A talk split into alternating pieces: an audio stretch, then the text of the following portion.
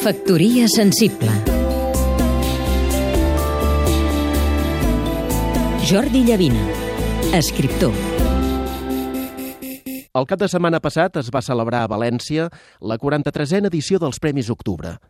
Tot això, que va començar com una admirable quimera de l'editor Eliseu Climent, ha adquirit proporcions gegantines i ara és la seva filla, Laia Climent, envoltada dels seus col·laboradors, qui es fa càrrec del projecte.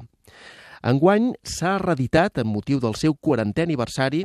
els dos primers títols de la col·lecció de poesia, Grills es molen ganivets a trenc de por, de Joan Navarro i Les mortaïdes tela de la platja de Salvador Jaffer tot un detall. En aquesta celebrada col·lecció de poesia hi vaig descobrir, ja fa molts anys, noms tan importants com els de Marc Granell, Pere Rovira, Jaume Pont, Jordi Pàmies, però quan penso en aquesta meritòria sèrie em ve al cap la que ben probablement deu ser l'obra de poesia més venuda de l'editorial i una de les més venudes de la nostra literatura, Llibre de Meravelles, de Vicent Andrés Estallés. En tinc un exemplar de l'any 1984 amb el disseny antic de la col·lecció, la coberta de cartolina blava i sense solapes i una etiqueta amb el nom de l'autor i el títol del llibre que s'enganxava a mà, una per una. El llibre de les tallers és el de No hi havia València, dos cames com les teues, ni hi havia tampoc a la ciutat dos amants com nosaltres. Una obra fonamental, relat líric d'un animal de records, lent i trist animal.